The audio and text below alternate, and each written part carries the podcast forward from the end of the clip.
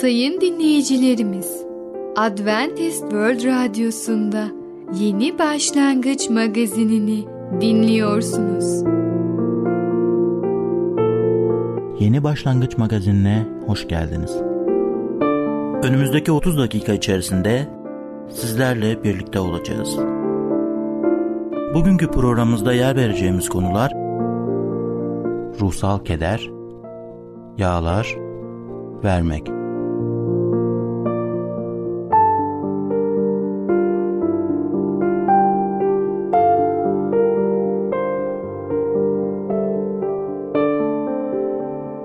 Adventist World Radyosu'nu dinliyorsunuz. Sizi seven ve düşünen radyo kanalı. Sayın dinleyicilerimiz, bizlere ulaşmak isterseniz e-mail adresimiz radio.umutv.org radio.umutv.org Bizlere WhatsApp yoluyla da ulaşabilirsiniz. WhatsApp numaramız 00961 357 997 867 06 00961 357 997 867 06 Merhaba değerli dinleyicimiz. Ben Tamer. Bereket Dağı'ndan Düşünceler adlı programa hoş geldiniz. Bugün sizlere ruhsal keder hakkında konuşacağız. İlk önce Luka 24. bölüm 21. ayeti okuyacağım. Oysa biz onun İsrail'i kurtaracak kişi olduğunu ummuştuk. Dahası var. Bu olaylar olalı 3 gün oldu. Öğrencinin belirttiği her gerçek doğruydu. Fakat bu gerçeklerden çıkardıkları sonuçlar yanlıştı. Ruhsal bir keder belirtisi olabilecek her şey yanlıştır.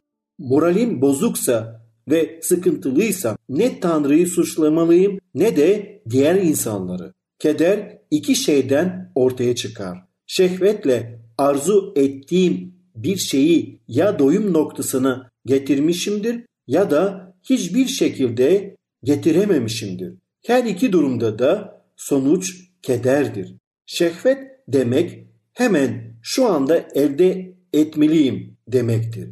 Ruhsal şehvet Tanrı'dan bir yanıt talebi içerisinde olmama sebep olur. Halbuki yanıtı veren Tanrı'nın kendisini aramam gerekir. Ne ümitler içerisindeyim? Tanrı'ya umut bağlamam ya da güveniyor olmam böyle mi sonuçlanacaktı? Bugün üçüncü gün mü ve Tanrı hala ondan beklediğim şeyi yapmadı mı? Bu şekilde üzülmekle ve Tanrı'yı suçlamakla haklı mıyım? Her ne zaman Tanrı'dan Tanrı'nın dualarımıza bir yanıt vermesi konusunda ısrar edersek yoldan çıkmış oluruz. Duanın amacı Tanrı'yla ilişki kurmamızdır. Amaç bir şeyler için yanıt almak değildir. Fiziksel olarak sağlam olup da kederli olmak mümkün değildir.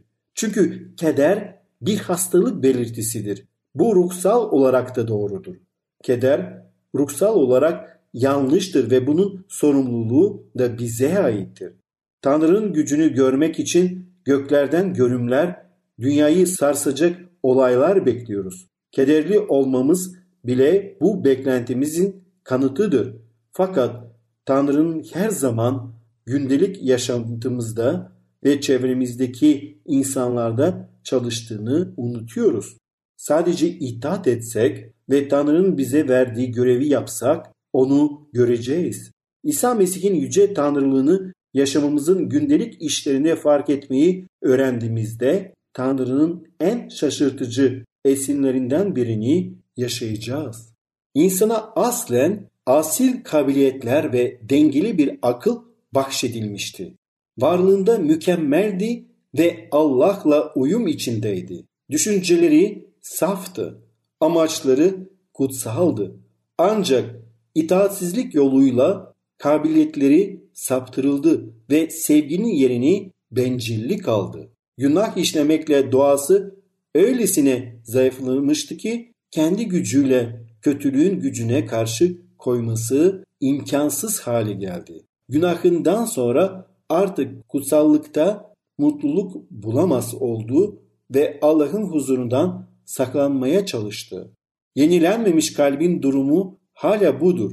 Allah'la uyum içinde değildir ve onunla birliktelikten mutluluk duymaz. Günahkar Allah'ın huzurunda mutlu olamaz. Kutsal varlıkların arkadaşlığından çekinir.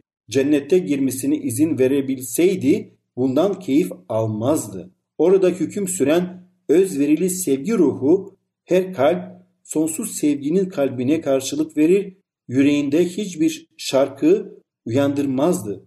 Düşünceleri, ilgileri, güdüleri oranın günahsız sakinlerini yönlendirenlere kıyasla çok farklı olurdu. Cennetin melodisini bozan akortsuz bir nota olurdu. Oranın ışığı ve neşesinin merkezi olan kişiden saklanacak yer arardı. Kötüleri cennetin dışında bırakmak Allah tarafından verilmiş keyfi bir buyruk değildir. Oranın ortamına kendi uykusuzluğu günahkarı dışarıda bırakır. Tanrı'nın görkemi onlar için yakıp yok eden bir ateş olurdu. Onları kurtarmak için ölen kişinin yüzünden saklanmak için yok edilmeyi memnuniyetle karşılarlardı. Kendi halimizle düştüğümüz günah çukurundan çıkmamız imkansızdır. Kalbimiz kötüdür ve onu değiştiremeyiz. Kim temizi kirliden çıkarabilir? Hiç kimse. Benliğe dayanan düşünce Tanrı'ya düşmandır. Tanrı'nın yasasına boyun eğmez, eğmez de. Eğitim, kültür, irade gücünün kullanma insanın çabaları hepsinin yeri var ancak burada yetersizdir. Dış görünüşte bir davranış doğruluğu sağlayabilir ama kalbi değiştiremez. Hayat kaynağını arıtamaz. İnsanların günahtan kutsallığa değişebilmeleri için yukarıdan gelen yeni bir hayat, işten çalışan bir güç olması lazım. O güç Mesih'tir. Yalnızca onun lütfu ruhun cansız yetilerini uyandırabilir ve onu Allah'a, kutsallığa çekebilir. Kurtarıcı bir kimse yukarıdan doğmadıkça yani yeni bir hayata yol açan yeni bir kalp, yeni istekler, amaçlar ve güdüler edinmedikçe Tanrı'nın egemenliğini göremez demişti. Sadece insan doğasından var olan iyiliğini geliştirmenin yeterli olacağı fikri ölümcül bir yanıltmadır. Doğal kişi Tanrı'nın ruhuyla ilgili gerçekleri kabul etmez. Çünkü bunlar ona saçma gelir. Ruhça değerlendiklerini için bunları anlayamaz. Sana yeniden doğmalısın dediğimde şaşma diyor 1. Korintiler 2.14. Mesih hakkında şu yazılmıştır. Yaşam ondaydı ve yaşam insanların ışığıydı. Bu göğün altında insanlara bağışlanmış bizi kurtarabilecek başka hiçbir ad yoktur. Dolayısıyla tövbe zamanı varken kurtarıcıya gelelim ve ona bütün yüreklerimizle iman edelim. Onun gösterdiği doğru yoldan yürüyelim. Biliyoruz ki o bizi mutlu yarınlara götürecek. Değerli dinleyicimiz, bugün ruhsal keder hakkında konuştuk. Bir sonraki programda tekrar görüşmek dileğiyle, hoşça kalın.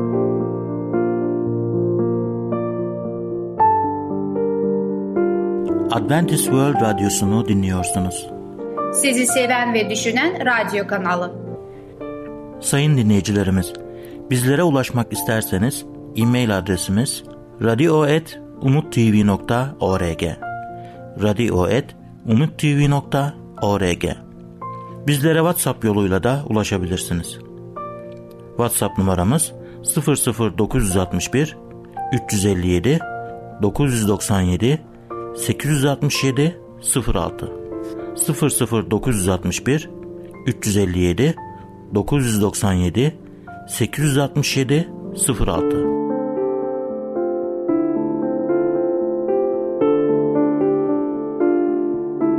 Merhaba sayın dinleyicilerimiz. Yeni başlangıç programımıza hoş geldiniz. Ben Fidan. Bugün sizlere yağları anlatacağım. Yağlar ve lipidler ortak olarak suda çözünmeme özelliğine sahip olan ve temel olarak karbon, hidrojen ve oksijen atomlarından oluşan kimyasal bileşimlerdir. Karbonhidratlar ile aynı atomlardan oluşurlar fakat farklı bir şekilde bağlanırlar. Yağların türleri basit lipidler ya da nötral yağlar, bileşik lipidler, lipoidler, yağ asitleri, yağların bileşimindeki temel maddelerdir. Yağlara farklı tat, koku, sıvılar iletirler. Kimyasal bakımdan iki türe ayrılırlar. Özellikleri biri birbirlerinden çok farklı olduklarından dolayı beslenme açısından çok büyük önem taşırlar. Doymuş yağ asitleri Doymuş yağ asitlerinin tüm karbon atomları basit bağlar ile bağlıdır. Bu onların hidrojenle doyumlarını sağlar. Yağların tümü bazı doymuş yağ asitleri içermesine rağmen bu yağ asitlerinin birçoğunun kaynağı hayvansal besinlerdir. İçerdikleri doymuş yağ asidi oranı doymamış yağ asidi oranından daha fazla olduğundan palmiye tohumu ve Hindistan cevizi bitkisel ürünler arasında birer istisnadır. Çok az tepkime gösteren sert ve katı yağlardan elde edilen doymuş yağ asitleri gerçekten de kelimenin tam anlamıyla doymuş yağ asitleridir. Hayvanlar bunu yedek bir madde olarak kullanırlar. Doymuş yağ asitlerinin bol miktarda tüketilmesi vücutta kolesterol oranını yükseltir. Ayrıca ölüm riskini de arttırdığı düşünülmektedir. Doymamış yağ asitleri Karbon atomlarının arasında ya da birden fazla çift bağı vardır. Doymamış yağ asitleri Karbon atomlarının arasında bir ya da birden fazla çiftli bağ vardır. Bu yağ asitlerinin temel kaynağı bitkisel yiyecekler, özellikle fındık, badem, diğer kurutulmuş yağlı ürünler ve tahıl tohumlarıdır. Balığın içindeki yağ aynı zamanda doymamış yağ asitleri içerir. Oda sıcaklığında genellikle sıvı haldedirler. Karbon atomlarının tümü hidrojen atomlarına doymadığı için diğer maddelerle birlikte metabolize edilmek için büyük bir tepkime kapasitesine sahiptirler. Zeytinyağında bulunan oleik asit gibi doymamış yağ asitleri ve özellikle buğday tohumunda, kuru yemişte, ayçiçeğinde, soya fasulyesinde ve üzümde bulunan çoklu doymamış yağ asitleri şüphesiz en sağlıklı olanlarıdır. Ayrıca kandaki kolesterol düzeyini düşürmek gibi ilginç bir özelliğe sahiptirler. Yağların tüketilmesi ve sindirilmesi Yağlar sindirimi yavaşlatır ve böylece vücuda daha uzun bir süre tokluk hissi verir. Yağlar sindirim sisteminde en zor sindirilen besinlerdir. İki farklı sindirim organının, karaciğerin ve pankreasın işlevlerini zorlaştırırlar. Bu yüzden diyetlerde hepatit ve pankreatite karşı çok az miktarda yağ önerilir. Yağlar ince bağırsakta pankreas ve safra kesesinden gelen enzimlerle temel bileşenlerine gliserol ve yağ asitlerine ayrılırlar ve parçalanıp yağ asitlerine kadar ayrıştıktan sonra ince bağırsaklardan emilir ve kana karışırlar. Vücudumuz karaciğer ve adipoz dokularında yağı oluşturan farklı maddeleri emilen gliserol ile yağ asitlerini sentezleyerek tekrar birleştirir. Günlük yağ ihtiyacı Dünya Sağlık Örgütü'nün bir çalışma grubunun tavsiyeleri 4 husus şeklinde belirtilmektedir. 1. Diyetinizde toplam yağ tüketiminizi azaltın. Gelişmiş ülkelerde tipik bir şekilde kalorinin %45'i yağlardan karşılanmaktadır. Bu çok yüksek bir orandır. Diyette tüketilen toplam yağ miktarı ile direkt ilgisi bulunan ve kolon riskini artırmakta olduğunun açık bir göstergesidir. Günlük diyette 300 mg'dan daha fazla kolesterol tüketilmemelidir. 2. Doymuş yağ asitleri Doymuş yağ asit tüketiminizi tamamen bırakıncaya dek mümkün olduğunca azaltın. Yağ asitlerinin temel kaynağı hayvansal besinlerdir. Doymuş yağ asitlerinin tüketimini azalttıkça hastalıkların sebep olduğu ölümler de ciddi ölçüde azalmaktadır. 3. Çoklu doymamış yağ asitleri Genel olarak kuru yemiş türlerinde, bitkisel yağlarda mısır, soya fasulyesi, ayçiçeği gibi bitkilerde bulunan çoklu doymamış yağ asit tüketimini minimum düzeyde tutun. Çoklu doymamış yağ asitleri diyet için vazgeçilmez olan elzem yağ asitlerini de içermektedir. 4. Tekli doymamış yağ asitleri Zeytinyağı gibi tekli doymamış yağ asitleri, doymamış yağ asitleri ve doymuş yağ asitleriyle toplam yağ tüketimi arasındaki farkı kapatmak için tüketilmelidir. Toplam yağ tüketimi bakımından fakir fakat tekli ve çoklu doymamış yağlar bakımından zengin olduğundan dolayı meyve, sebze ve tahıl ürünlerine dayalı vejeteryan diyeti Dünya Sağlık Örgütü'nün tavsiyelerine tamamen uymaktadır. Aşırı miktarda hayvansal kaynaklı doymuş yağ ile birlikte yağ içeren et ve süt ürünlerine dayalı bir diyette aynı durum söz konusu değildir. Kolesterol seviyesini düşürmek için et tüketimini, özellikle sığır tüketimini, aynı zamanda sakatat türleriyle sosis sucuk tüketimini azaltın. Yumurta sarısını kullanmadan pişirmeye öğrenin. Haftada 3 adetten fazla bütün yumurta yemeyin. Yağsız ya da az yağlı süt kullanın. Hayvansal yağ içeren pasta, börek gibi hamur işi gıdaların ve tatlıların tüketimini azaltın. Zeytinyağı ile dönüşümlü olan bitkisel yağları kullanın. Sizi sinirlendiren ve strese sokan ortamlardan uzak durun. Günde en az yarım saat olmak üzere fiziksel egzersiz yapın. Bağırsaklarda kolesterol oluşumunu sağlayan safra tuzlarını emen bitkisel lif tüketimini arttırın. Sayın dinleyicilerimiz, programımızın sonuna doğru geldik. Bugün neler öğrendik? Yağları öğrendik. Ne tür yağlar kullanmalıydık? Bitkisel yağlar kullanacağız. Ve bunları da oldukça minimum düzeyde kullanmamız lazım. Yoksa kolesterolümüz çıkabilir. Kolesterolü azaltmak için neler gerekli olduğunu da verdik. Bu şekilde yaşarsanız sağlıklı ve zinde olabilirsiniz. Lütfen bir kez de yaşam tarzınızı değiştirmeyi deneyin. Farkı gerçekten hissedeceksiniz. Tekrar görüşene kadar kendinize çok iyi bakın ve sağlıcakla kalın. Adventist World Radyosunu dinliyorsunuz. Sizi seven ve düşünen radyo kanalı. Sayın dinleyicilerimiz, bizlere ulaşmak isterseniz e-mail adresimiz radio.umutv.org radio.umutv.org Bizlere WhatsApp yoluyla da ulaşabilirsiniz.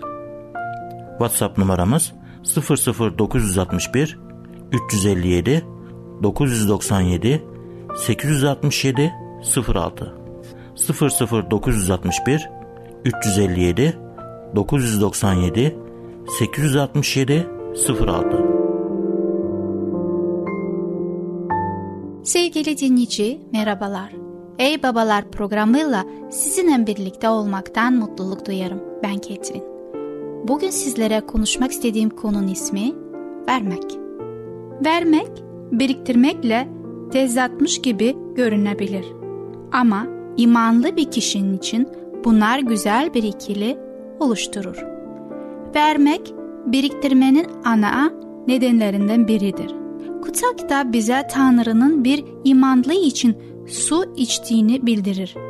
Kendi elleriyle iyi olanı yaparak emek versin. Böylece ihtiyacı olana paylaşacak bir şey olsun. Sözleri Efesliler kitabında 4. bölümde 28. ayette bulabilirsiniz. Biriktirmek yanlış nedenlere yapıldığında her saplantı haline gelebilir. Vermek, biriktirme konusunu bir denge getirir. Çok cimri olmaya karşı bir panzehir oluşturur. Vermek imanlının hayatının büyük ilkelerinden biridir. Kendimizi Tanrı'ya diri bir kurban olarak sunmamız gerekmektedir.